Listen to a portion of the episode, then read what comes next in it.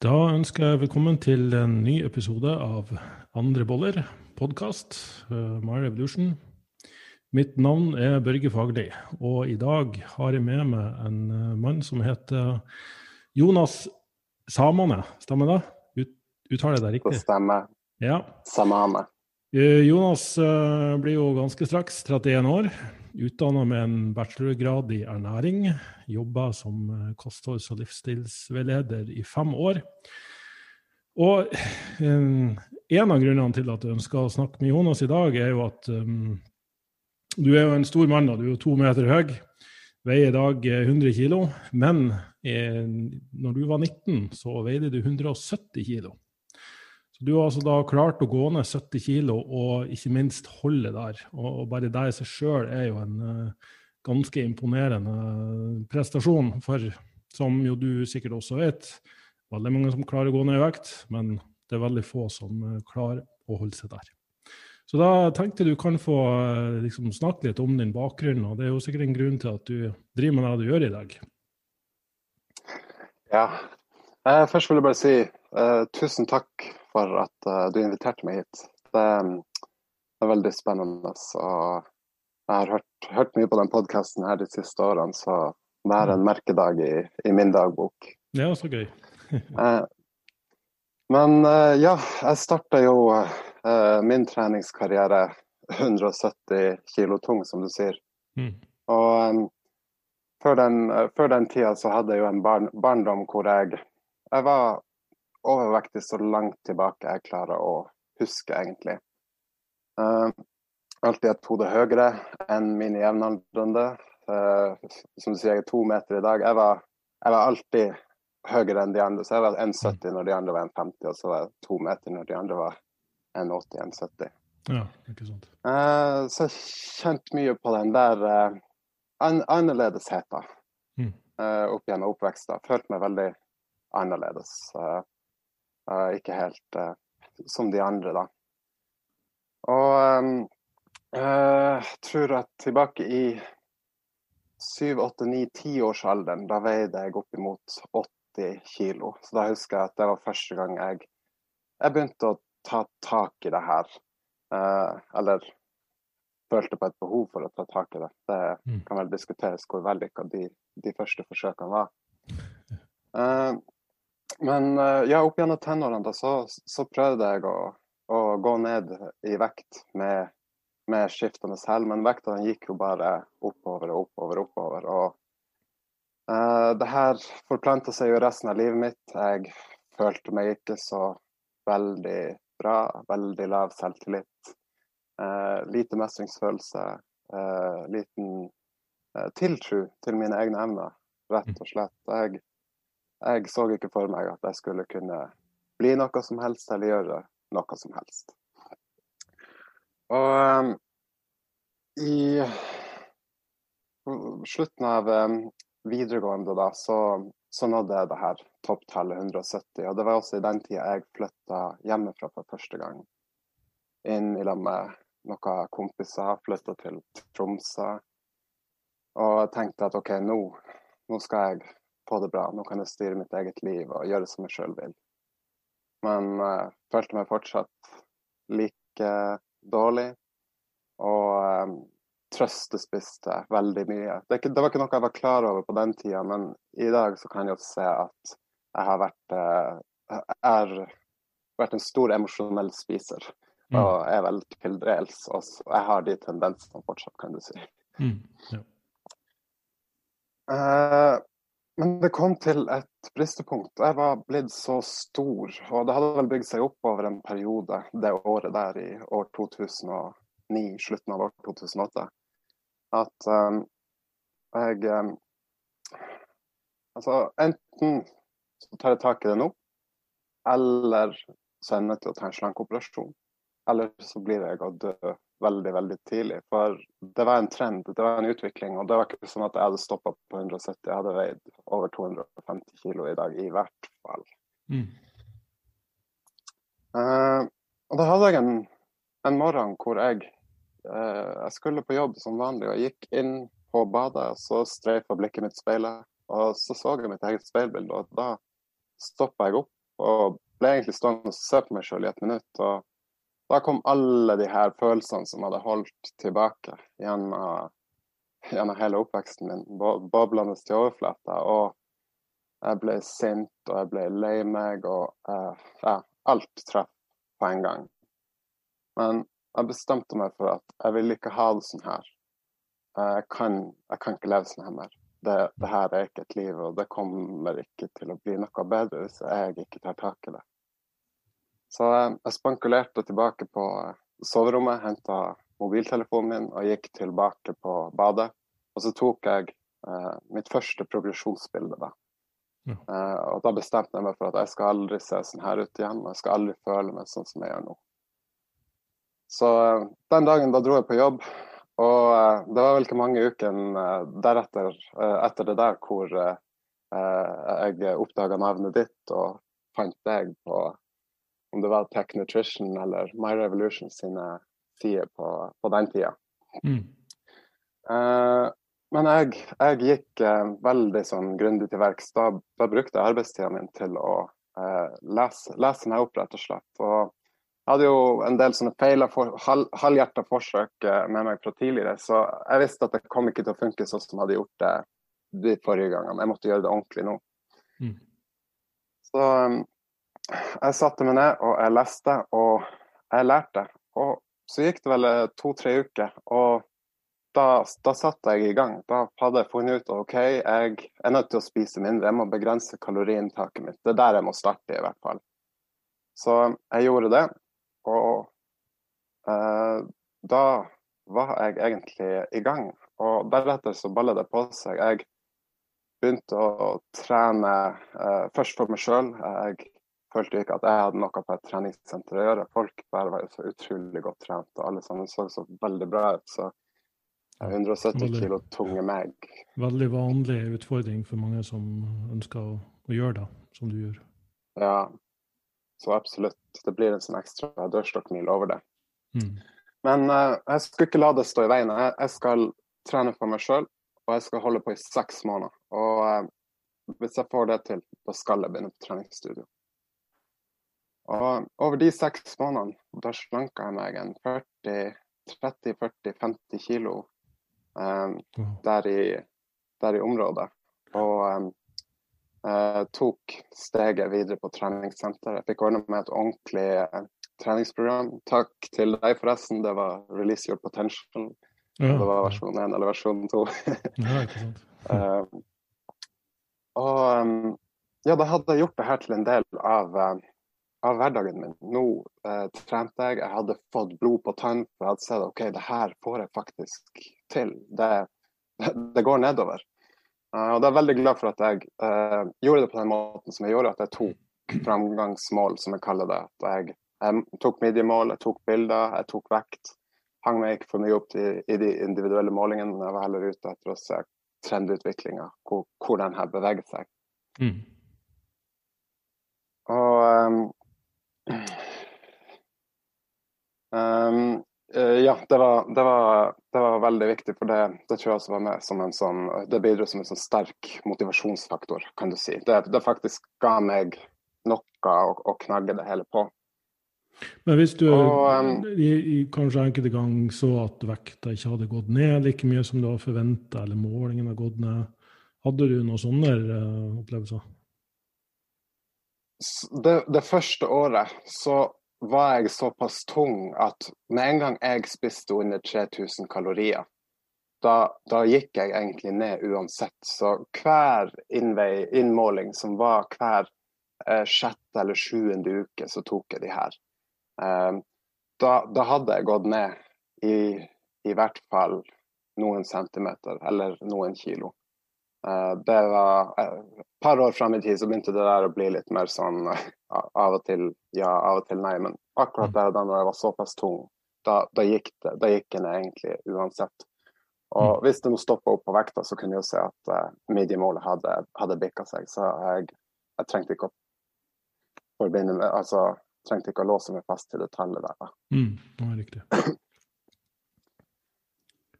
og uh, ja, egentlig det første året, da, da, gikk jeg ned sånn relativt konsekvent. Det var når jeg veide 120 at ting begynte å kreve litt mer arbeid og litt mer system. Jeg måtte begynne å stramme, stramme inn. Men fra overvektig til Eller fra fedmegrad 3 til uh, fedmegrad 1 slash overvektig, det gikk relativt uh, radikt. Og det er en, jeg tar det som et bevis på at jeg levde en utrolig usunn livsstil. Og jeg spiste veldig, veldig mye eh, mat. Veldig mye kaloririk mat. Mm. Så, så, vil du si at det handler om, om um, matvalg eller varer? Måtte du liksom gå og telle kalorier hver eneste dag, eller hvordan uh, gjorde du den fasen der? På den tida så telte jeg relativt slavisk. Da var det sånn at jeg satte gjerne opp en matplan for en uke, at jeg spiste mye av det samme gjennom en uke. Mm. Og så kunne jeg variere fra eh, måltid til måltid. Sånn eh, mellommåltid eh, kunne jeg variere. Men de her hovedmåltidene var relativt satt i stein. Ja. Eh, men jeg var jo student samtidig, så hadde jeg jo begynt å få bedre selvtillit oppi det her, så hadde jeg lyst til å leve livet mitt eh, samtidig som jeg trente og hadde struktur på den andre sida, så jeg passa på å legge av litt eh, kalorier til vin på lørdag. Eh, eh jeg tok og gjorde, tok og gjorde sån, sånne grep for at jeg ikke skulle bli satt ut av, eh, av eh, helga, kan du si. Mm. og jeg, jeg, hadde ikke lyst til å havne en sånn plass hvor det kun var trening og kosthold det gikk i. For, for meg så har det hele tida vært viktig det her. Og hele motivasjonen min uh, til denne endringen her, det var jo det at jeg hadde lyst til å leve livet på mine premisser. Riktig. Uh, så, det, så, det, er mulig å forene de to? Vektnedgang og det å leve livet, da? Så absolutt. Uh, og det er noe som jeg har merka når jeg prater med mennesker som får høre hva jeg jobber som, så går de bare ut ifra at jeg lever som en prest. Ja. Uh, spist perfekt. Sover klokka ni på kvelden og stresser lite. Og eh, aldri gjør noe annet. Men eh, jeg, jeg, kan være glad i å ta meg en fest. Jeg liker å reise, jeg liker å være med venner. Jeg har hobbyer som ikke innebærer trening i det hele tatt. Så for meg så var det altså det helhetlige som var viktig. Det var det å kunne gjøre ting på, på, på egne premisser, rett og slett. Mm. Ja, det er jo kanskje der mange går på en smell, da, fordi de går altså, Jeg er veldig for det her å gå all in. Og I hvert fall det her med å kommentere seg til noe og faktisk inngå en avtale med seg sjøl om at OK, det her, nå, nå, er det nok. Det her skal jeg gjøre. Um, men som du nevnte her, at du, du lå jo under 3000 kalorier, og det er jo egentlig en god del mat, da. For en på 170 det er det jo ikke mye mat, men det var fremdeles nok til å skape et underskudd.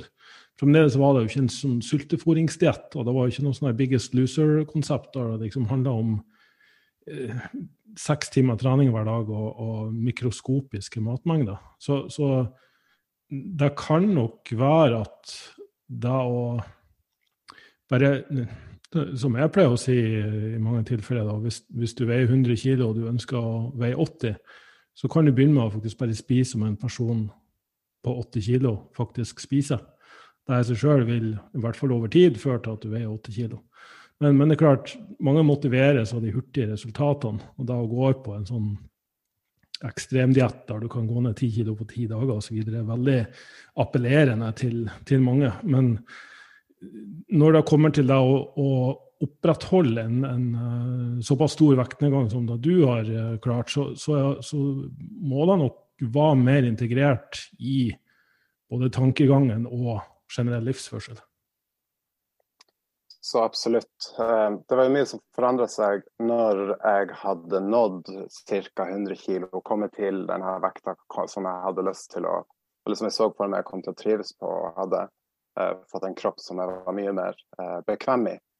Eh, så så jeg jo at OK, jeg Det som hadde motivert meg tidligere, det var jo det å ha denne måloppnåelsen innenfor vektnedgangen. Mens nå når det ikke var like viktig, hva, hva nå, liksom? Hva, hva, hva, skal jeg gjøre for å motivere meg til å fortsette å holde på med det? For jeg vet at jeg kan ikke gå tilbake til der jeg kom ifra. Da blir jeg å bli sånn som jeg var før. Ja. Riktig. Så da ble mer en sånn Du ble fokusert på reisen, ikke målet, kan man si det sånn? Ja. Og um, der var det vel etter det, det første året med vektnedgang, da hadde jeg jo begynt å innse at OK, det her var noe som jeg ikke bare eh, hadde en sånn interesse for, en sånn liten biinteresse. Det var noe som jeg var blitt eh, veldig, veldig opptatt av. Og jeg tenkte at OK, kanskje det å jobbe med det her Hvis jeg klarte å løse det for for meg sjøl. Og jeg syns det er så spennende, det fagfeltet her. Kanskje gå inn, uh, i, uh, inn og se om, uh, om, det er mulighet å, å, jobbe med akkurat det samme. Mm. Så da begynte jeg jo å Da begynte jeg på medisin grunnfag. og anatomi og fysiologi ble plutselig en del av hverdagen min. Og jeg kunne holde Jeg kunne fortsette denne interessen selv om jeg ikke lenger satt og leste om næringsstoffer. Det hadde liksom vokst videre. Mm. Og samtidig så var nok noe som var veldig viktig her også, det var det at jeg, jeg eh, hadde fått en forkjærlighet for trening.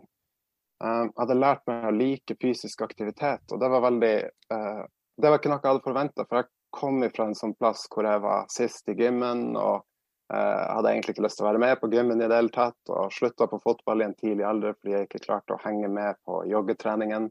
Mm. Så jeg hadde et veldig sånn negativt forhold til fysisk fostring. Men, uh, men, i løpet av denne vektnedgangsprosessen så hadde jeg også blitt større og sterkere og lagt på meg litt muskler. Og jeg så jo at OK, det her er jo uh, Det er jo ikke bare eh, sånn gøy fra økt til økt, men det er noe mer til det. Det er noe mer til det her å jobbe imot mål som er litt større enn det som vi kan se fra øyeblikk til øyeblikk. Mm.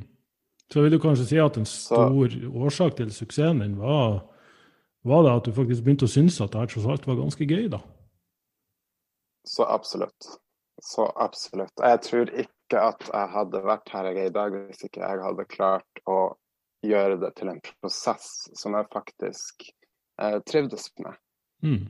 Og det er noe jeg kan se tilbake på eh, i dag, når jeg har hørt om sånne konsepter som growth og fixed mindset. Men eh, jeg ser nå at jeg i løpet av 20-årene mine, i løpet av denne prosessen, så gikk jeg uh, ifra å ha et veldig fixed mindset, et sånn veldig fixed mindset, til å Altså fast, fastlåst okay, mindset, for de som er litt så, ja. ja.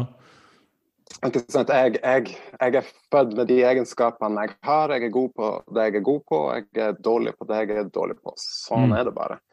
Til å snu litt mer imot det at OK, hvis jeg faktisk jobber for noe og legger ned masse arbeid og tid og oppmerksomhet i det, så blir jeg faktisk bedre på det. Og mm. det er nesten ingen vei rundt akkurat det. Nettopp. Ja, det er det her med å innse at man kan utvikle seg Jeg tror mange lar være å gå i visse retninger fordi de kanskje ser på noen som er så god på noe, de er så ekspert på noe.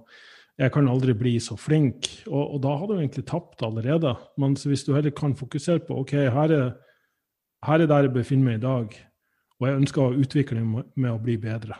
Uavhengig av hvor god jeg faktisk blir, så er det mye viktigere å bare være i denne læringsprosessen. Da, fordi det, det, er utrolig givende. og eh, så, Som jeg pleier å si, at vi, vi, er på mange måter skapt for å løse problemer og utfordringer. Og, og hvis vi ikke har problemer og utfordringer å løse, så skaper vi de sjøl. Eh, altså, vi, vi, dikter det opp. Vi, vi, lager ting som ja. ser viktig ut, men som egentlig ikke er det. Så, så det å ha sånn genuine, ekte, spennende utfordringer eh, ser jeg på som en helt essensiell del av det å være menneske.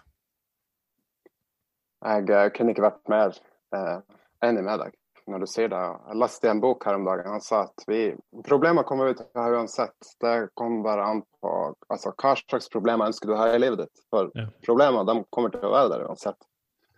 Så det å, det å, lære seg det her å like, like problemer, det å, å like å jobbe med noe, det å se at problemet ikke nødvendigvis er et hinder til noe som helst, men heller trappetrinn som tar deg nærmere der du faktisk ønsker å være. Mm. Ja, og det er jo litt sånn, hvis, hvis, du allerede er på toppen, så er, det, så er det jo ikke noe poeng å klatre. Men det at du faktisk er i den klatreprosessen, da er du midt i prosessen. Da er du på vei opp. Eh, og, og, finne den trivselsfaktoren i akkurat det. For det, det, er klart for mange så kan det her eh, målet, da å nå den toppen, det kan være en bra drivkraft da, men det kan også for mange bli et lite sånn antiklimaks, fordi det egentlig, som, som skal være gøy, burde være gøy, det er den veien dit. Og hvis du ikke liker den veien dit, så, så, vil du på en måte gi det når du har kommet på toppen, og da triller du ned på andre sida. Og da er du, før du vet ordet av det, i bunnen igjen. Og Det er derfor jeg tror det er så utrolig mange som feiler med eh, vektnedgang i det lange løpet. De klarer å pine seg gjennom en sånn her ekstremdiett over et par måneder, og så de kommer seg akkurat gjennom det, og så har de ikke lyst til å gjøre det der igjen i det hele tatt. Og så er det ingen plan for det som kommer etterpå. Så faller de tilbake til, eh, til livsstilen de, de, var i før de starta. Mm. Istedenfor å OK, hva, hva, kan jeg gjøre i, i, livet mitt som jeg hadde trivdes med, som samtidig kommer til å ta meg nærmere der jeg ønsker å være. Ja. Og det her med å, å finne som man liker godt nok, er jo òg en viktig del av det. fordi det, på den ene sida kan vi si at ok, du, du må, først må du kanskje lære deg å like mat som er sunn. Så du må liksom spise nok av det i hverdagen til at du til at det etter hvert erstatter de liksom sukker- og sjokoladebaserte og junkfood-vanene du har. Eh, men på der aktivitetsbiten så er det mange som tenker ja, jeg er nødt til å liksom dra på et gym og, og pumpe jern. Men, men, men, du Jonas, du driver jo f.eks. Du har drevet med mye forskjellig, men, men er blitt en kickbokser? Ja. Uh, når, jeg, når, jeg, kom hjem fra Spania og var ferdig med utdanninga mi, tok bachelorgraden min der nede, da hadde jeg egentlig blitt bitte litt metta på styrketrening. Det hadde vært det som uh, holdt liv i flammene mine når jeg var ferdig, jeg var ferdig med vektnedgangsprosessen og skulle motivere meg videre. Og da fant jeg veldig mye verdi i det å være på gym og bli større og sterkere. Men så skada jeg meg litt, og uh, jeg, jeg, fant kanskje ikke like mye glede i det. Men jeg var fortsatt veldig bevisst på at jeg må trene, jeg må være i aktivitet. og uh, jeg, må gjøre, jeg må gjøre ting som som går opp i opp med de grunnverdiene har, og det livet, eller, eh, det livet jeg ønsker å leve, det livet jeg ønsker å forme for meg sjøl. Mm. Og jeg hadde aldri vært noen stor jogger, jeg slet med å motivere meg til det. Så da tenkte jeg OK, hvis jeg begynner på kampsport, kanskje jeg er nødt til å trene kondisjon da. For hvis ikke så blir jeg ikke hengende i svingene. Og um, jeg begynte på det, og ja, jeg forelska meg. Det har vært skikkelig gøy, givende, og det har Eh, det har akselerert utviklinga min. For det, det igjen har gitt meg masse grunner til å jobbe med meg sjøl fysisk som jeg ikke hadde tidligere. Nå, mm. Eh, nå, har jeg lyst på bedre kondis for å kunne prestere bedre i idretten. Jeg har ja, lyst til å være mer mobil, så jeg kan sparke høyere. Ja. Eh, jeg ønsker bedre balanse, så jeg kan Så alle de her tingene blir utrolig mye enklere å jobbe med, fordi at det er, en, det er noe jeg bryr meg om igjen, og det er at jeg kan fære på trening og prestere som jeg sjøl ønsker. Ja, at det kan faktisk brukes til noe da, som, som du er interessert i. Mm. Eh, og da kan også f.eks. styrke da bli noe du trener for å bli bedre i den sporten du driver med. Men, eh, og, og det her er jo kanskje også en medvirkende grunn til at du etter hvert har pensa over fra å jobbe veldig mye med sånn overvekt, altså vektnedgangskunder, til å pense mer over på denne prestasjonsorienterte fokusen. Fordi du ja, kanskje oppfatter det som mer nummer én kanskje mer givende fordi det er det du òg er interessert for sjøl. Men um, min erfaring er i hvert fall at uh, mange som sliter veldig mye med det her og skal gå ned i vekt eller bygge muskler eller få bedre kondis, gjør det fordi de fokuserer kun på det. Men hvis du finner en aktivitet, finner noe som, som du syns er gøy å holde på med, så vil det her med mat og styrke og kondisjon automatisk falle på plass, fordi det handler om noe større. da. Det handler om noe som du faktisk syns er kjempegøy. Og da kan det som du tidligere ikke syntes var så veldig gøy, plutselig bli ganske gøy og givende. Hva, hva er din uh, erfaring der?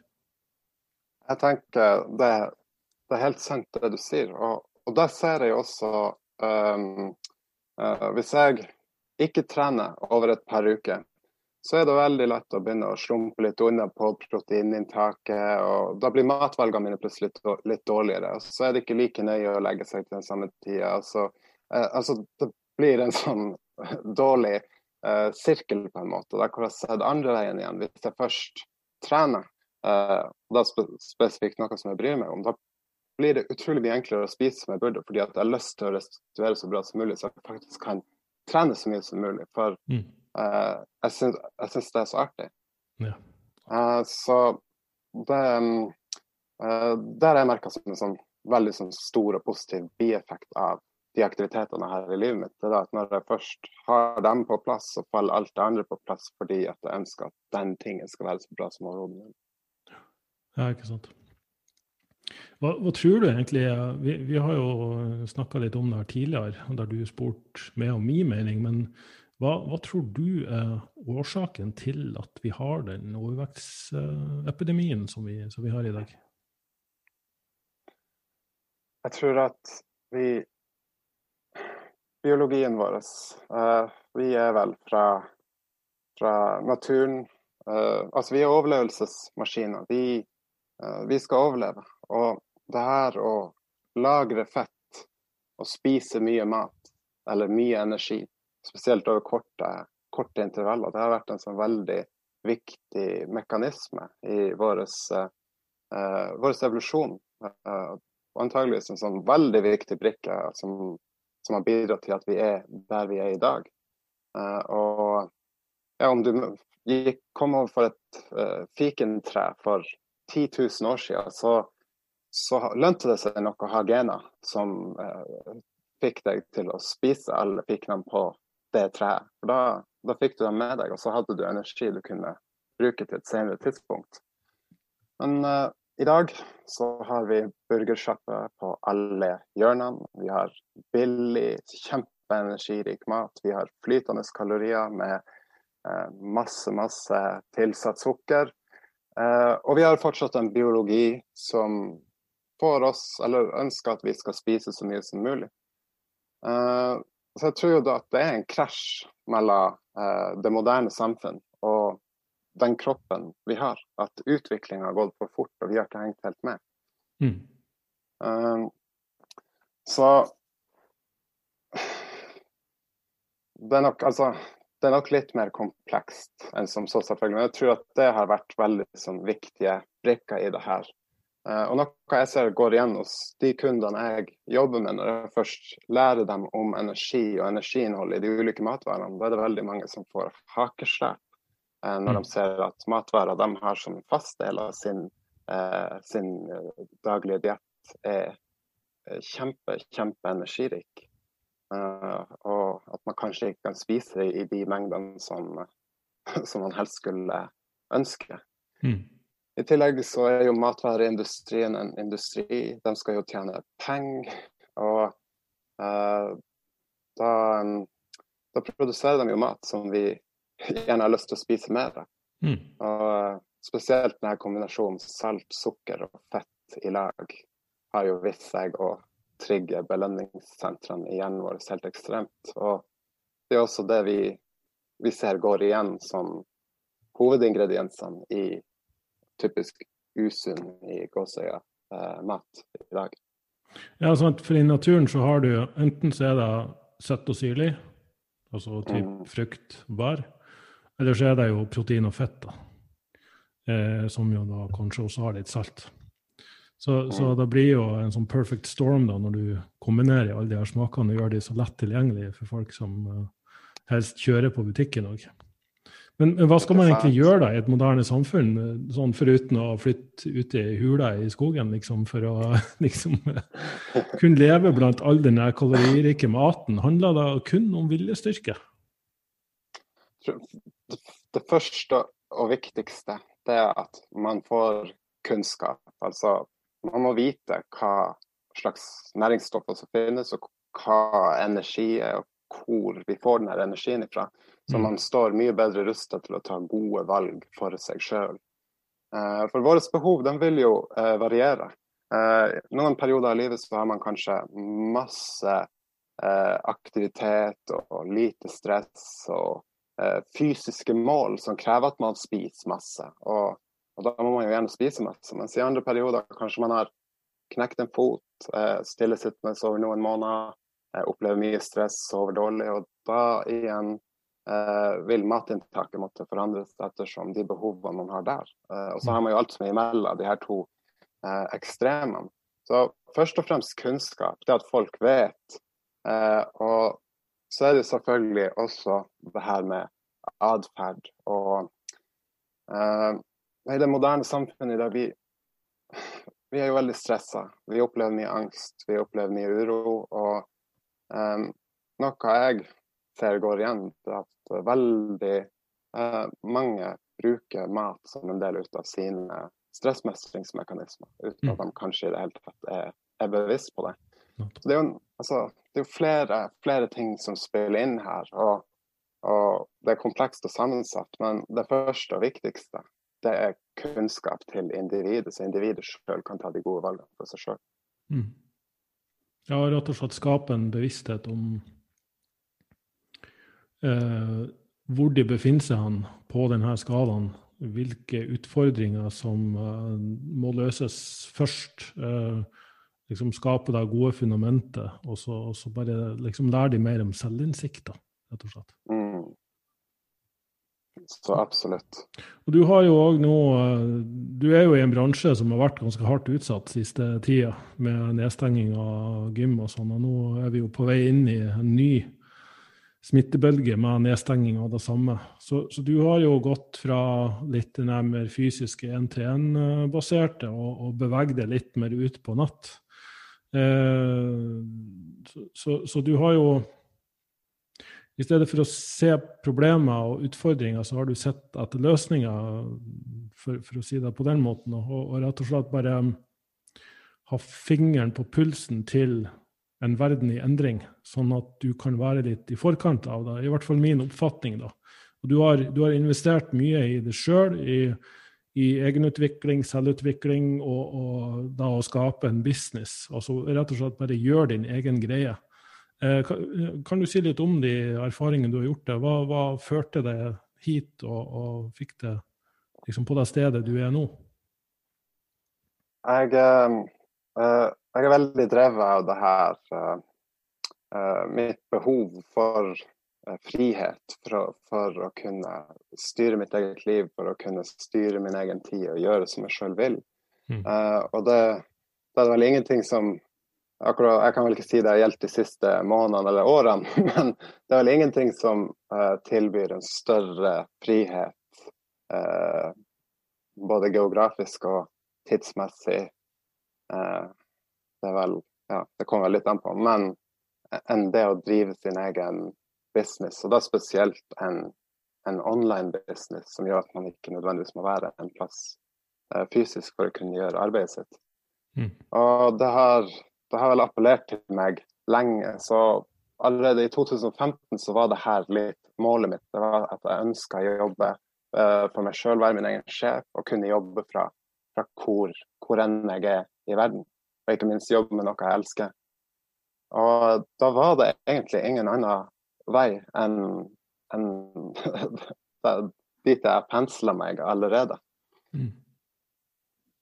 Så du bare, du bare skapte det her til en sånn online-plattform og begynte å kunne liksom kommunisere.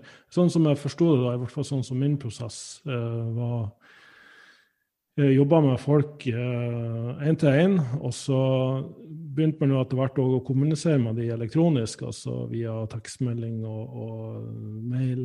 Og etter hvert innså jeg jo at alle sitter jo liksom på natt, og det er kanskje mye enklere å nå de der og kunne nå veldig mange samtidig. Eh, og, og, så er det jo da å, å omjustere seg fra å, å tenke på den her OK, um, jeg må ta med timesbetalt. For hver time jeg jobber, så får jeg, så får jeg en viss uh, betaling for det. Mens på natt så kan du jo skalere det her opp og uh, bruke den ene timen med jobb til å nå ut til veldig mange samtidig. Eh, så, så, så det med å faktisk skape en mer sånn skalerbar business er jo et, et, et nøkkelpunkt. Skalerbar, og det at man, som du sier, når ut til flere. Uh, for da føler jeg jo kanskje også at det hadde vært litt begrensende hvis man bare skulle praktisert i én bygd eller by, hvis man ikke var plassert i midten av Oslo. Uh, men, men, ja, man, man lærer jo etter hvert som man jobber, og man sitter igjen med, med kunnskap og erfaringer som, som en haug av mennesker kommer til å kunne gjøre nytte av. Uh, og Da blir det jo litt opp til, til, uh, til individet å gjøre det de kan for å skape seg en plattform for å nå ut med den beskjeden man har. da. Mm. En liten sånn takeaway, hvis man skal oppsummere da, i hvert fall sånn som jeg, sånn som jeg tolker det her, at du har jo du kom til et punkt i livet ditt der du innså at hvis noe skulle skje, så måtte du ta tak i deg sjøl. Du må ta ansvar for deg sjøl. Eh, du ønska å oppnå endring, og du oppretta eller etablerte kompetanse for hvordan du på mest mulig effektiv måte kunne gjennomføre den endringa. Og så tok du tida til hjelp, og så ble du glad i prosessen. Og så fant du det noe som mm. var så givende at du ønska å holde på med det lenge nok. Og i denne prosessen så ble du òg såpass kompetent på det at du kunne begynne å tilby det her som en tjeneste til andre og hjelpe de gjennom det samme. Har jeg, har jeg gått glipp av noe da? Nei, det stemmer nok ganske godt.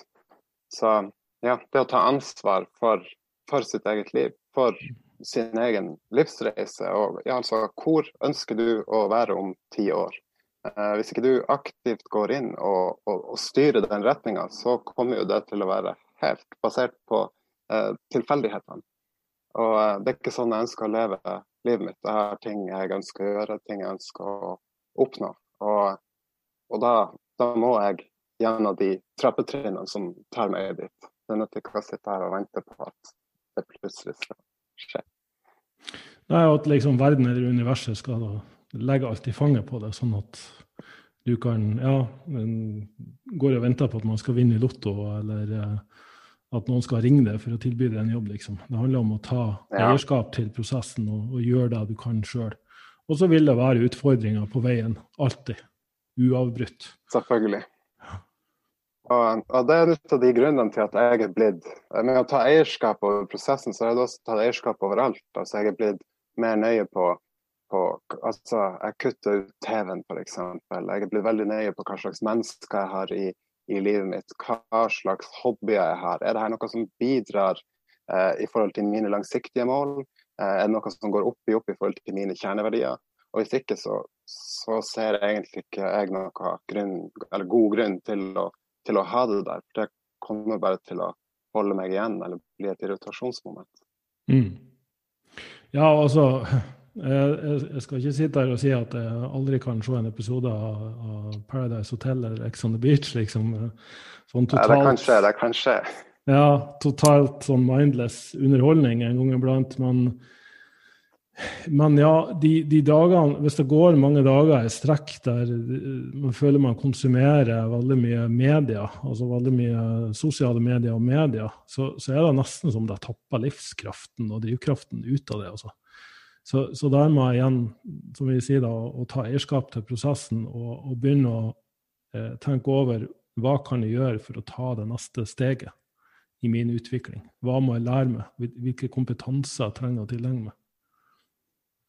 Og det, det, er jo ikke for å ta vekk fra at uh, man gjerne skal sette seg ned og se på en TV-serie eller en film iblant, men jeg har prøvd å bli veldig bevisst på at jeg ikke bare havner i sofaen klokka fem på ettermiddagen, og så plutselig er klokka tolv, og så må jeg legger meg. Hvis jeg skal se en TV-serie, så, så, har jeg en jeg har lyst til å se, og så ser jeg den. Men det er ikke sånn at da begynner det neste etterpå, og så begynner det neste etterpå, og så går det bare videre, og så plutselig har man mista all tida. Så mm. igjen, det med å ta eierskap. Så, så om, om, man har lyst til å se Paradise Hotel, så er det innenfor, da, da må man jo bare, bare, bare se på det og, og, og eie det.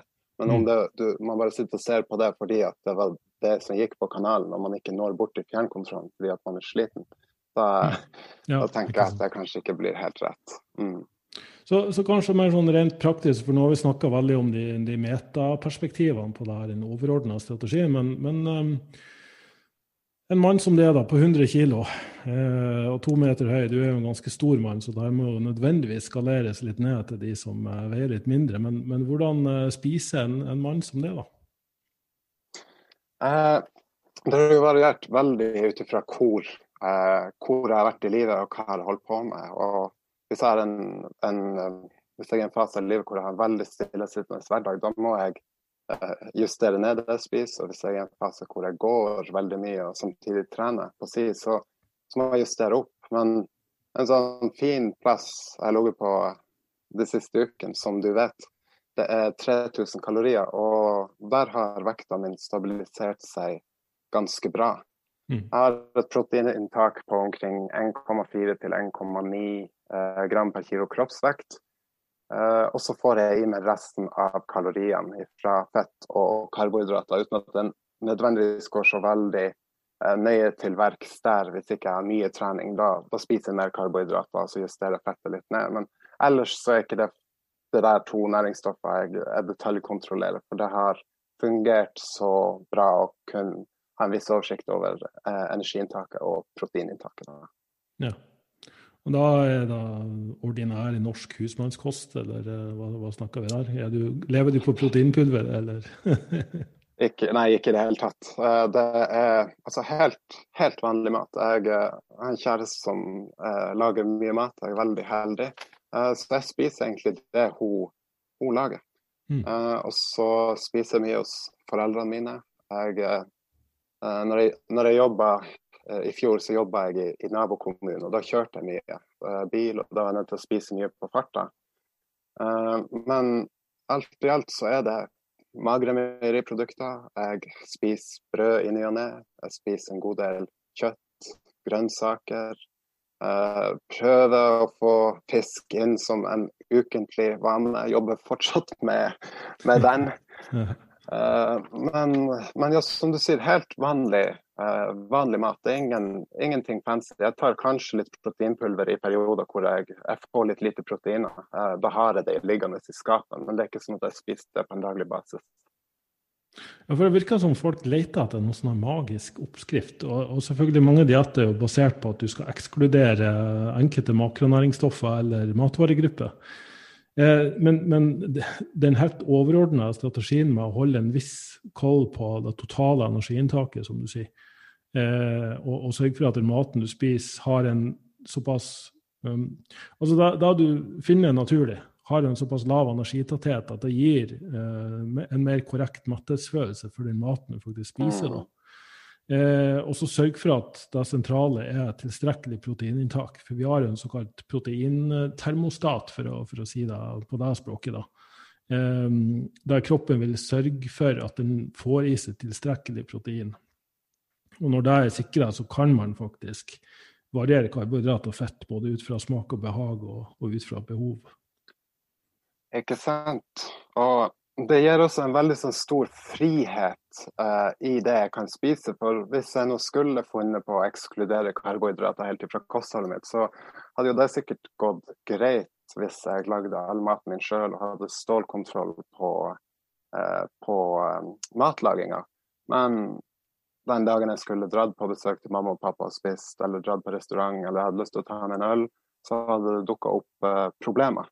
Mm. Så jo, jo, mindre regler vi har omkring det, i hvert fall regler som egentlig ikke trenger å være der i det hele tatt, eh, jo bedre. Ja, mm. jo bedre syns jeg eh, ser jeg at det har fungert for meg, i hvert fall. Ja, fordi de fleste vet jo hva, hva det handler om. Men allikevel handler de, de debattene da, og kranglene på internett om detaljer som, som, har, som er helt ubetydelige for folk flest. Og, og da er det litt frustrerende å se på. Ja. ja. Som du sier, at folk leter etter den der ene mirakelpilla. Hva er det som fungerer den gangen her, eller hva er det som skal gjøre at det går den gangen her? Er det å kutte ut noe, eller er det å ta det der produktet, eller kjøpe de der pillene eller det der pulveret? Eh, og så blir det bare en sånn søken etter, etter altså, noe som ikke kommer til å gi den effekten man egentlig er ute etter, når det egentlig handler om det helhetlige. Hvordan lever du livet ditt? Hvordan har du det? Hva slags mat spiser du? Eh, mm. Hva slags forhold har du til de menneskene du har i livet ditt? Hvordan stresser du? Hvordan sover du? De tingene er så utrolig mye viktigere enn en, ja, det å kutte ut karbohydrater eller å ta L-karnitin eller ja, uansett hva det er som er på, på uh, som nytt og fancy denne uka der. Ja, det er jo veldig mye forskning som viser fordi, Og denne forskninga har gått mer i dybden på de her populasjons- eller befolkningsbaserte studiene, som prøver å se på ok, er det hvor mye kjøtt du spiser, eller hvor mye grønnsaker du spiser. Men, men det aller viktigste ser faktisk ut til at hvis du er innstilt på å ta vare på kroppen din og ta vare på helsa di, så, så faller resten på plass av seg sjøl. Det, har egentlig veldig lite med hvor mye eller hvor lite kjøtt du spiser, eller hvor mye eller hvor lite grønnsaker du spiser. Det, det helheten som, som, betyr mest. Ikke sant. Mm. Nei, men uh, det var en uh, veldig interessant uh, samtale der, Jonas. hvor kan folk finne ut mer om det og, og ta kontakt med det? Jeg har en nettside med en blogg og en vlogg som jeg begynner å slippe nå snart. Jeg slanker meg akkurat fra 116 til 100 kg, og så filmer jeg den prosessen. Mm. så jeg har en del gratis innhold ute på nettsida min som er samanecoaching.com. Og det er etternavnet mitt som folk staver feil hele tida. Det staves S-A-M-A-N-E. Coaching, da. Vi skal passe på å stave det riktig. Uh, og så finner du meg også som, uh, under Samane coaching både på Facebook og Instagram. og Der poster jeg også uh, innhold ukentlig som er relatert til vektnedgang, til prestasjon, mindset, kosthold. Hele, hele pakka. Mm, kjempebra. Da sier jeg tusen takk for at du var med i dag, og så ønsker jeg deg masse lykke til videre med, med nye prosjekter. Tusen takk skal du ha, Berger.